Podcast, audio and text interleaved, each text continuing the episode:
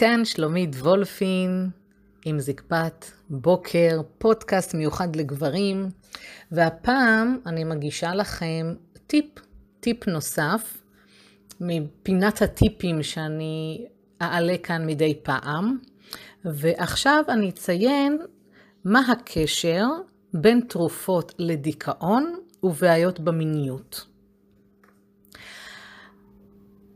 קיים קשר הדוק בין בעיות מיניות לבין נטילת נוגדי דיכאון.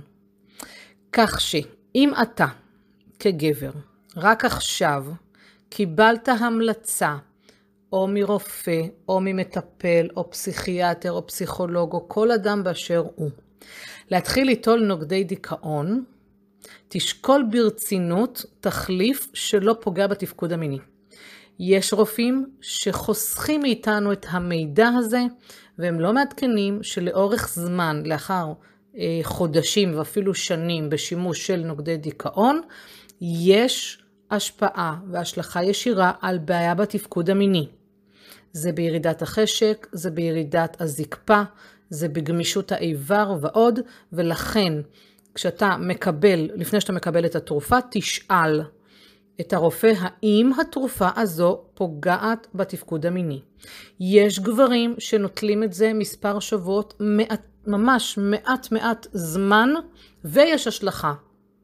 ויש השלכה על התפקוד המיני. אני באופן אישי, אני פותחת כאן סוגריים, הייתה תקופה שנטלתי תרופות נוגד, אה, נוגדות דיכאון, ונכון שאני לא גבר ואין לי איבר מין זכרי שהזקפה מעידה על התפקוד שלי, אבל בהחלט נפגעה לי המיניות, החשק והתשוקה, ואיבדתי את האורגזמות שלי.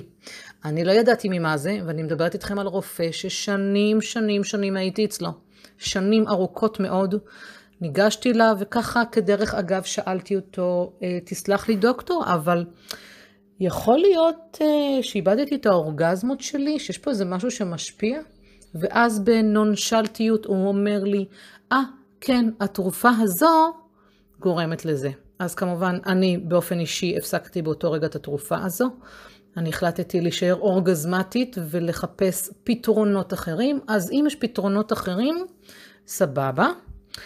והדבר השני, שאם כבר אתה נוטל אם כבר אתה נוטל פרוזקים, רסיטל, ציפרלקס למיניהם מהמשפחות האלה, ואתה חווה בעיה בתפקוד המיני, אתה יכול לגשת לרופא ולבקש שינוי בתרופה או במינון, ואתה יכול ממש לגשת ולטפל בדיכאון עצמו.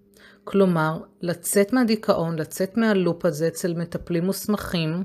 אני בעצמי מטפלת באנשים שלא, ממש להוריד אותם מדיכאון, ובזה שתרד מהדיכאון, אז, אז, אז תוכל לרדת מהתרופות ולחזור לתפקד מינית. אם הרופא לא נותן לך מענה מספק, אני מצאתי לנכון שרוקחים הם האנשים הכי אובייקטיביים והכי ניטרליים לתת לנו את התשובות. ולכן מדי פעם אני אפילו עבור לקוחות שלי, הולכת ומבררת אצל רוקחים מה התרופה הזו והזו עושה. עכשיו, אני אומרת את זה גם מניסיון העבר שלי. אם אתה עוקב אחריי, אתה לבטח שמעת שאני החלמתי ממחלה כרונית שנקראת קוליטיס כיבית. כשאני קיבלתי סטרואידים וקיבלתי טיפול ביולוגי לווריד וקיבלתי תרופות מכאן ועד הודעה חדשה, לא שאלתי את הרופא מה ההשלכות כי רציתי ריפוי. אז כשאתה בדיכאון, נכון, אתה רוצה ריפוי, אתה רוצה להרגיש טוב ולתפקד את חיי היום-יום שלך. אבל רק לאחר שנים, כשהכרתי אנשי רפואה שלא באו מהמקום שאני אה, השתייכתי אליו, ורק לאחר מכן, כשהכרתי אה, אחים ואחיות גם שהתעסקו עם חולי קוליטיס, הם באו ואמרו לי, חברתנו, יש דברים שאתם לא יודעים ולא מפרסמים ולא אומרים, אבל זה פוגע. לכן, הטיפ שלי הוא שתעשה את הבדיקה ותבין שבאמת נוגדי דיכאון פוגעים בתפקוד המיני. אם לא ידעת את זה וחידשתי לך אשראי, אם ידעת את זה ואתה רוצה לחזור ולתפקד, מצא את הפתרון. מצא את הדרך לצאת מזה ולחזור לחיות חיי מין ראויים. אני מגישה לך את הטיפ הזה באהבה גדולה. אני שלומית וולפין, ונתראה בפרק הבא.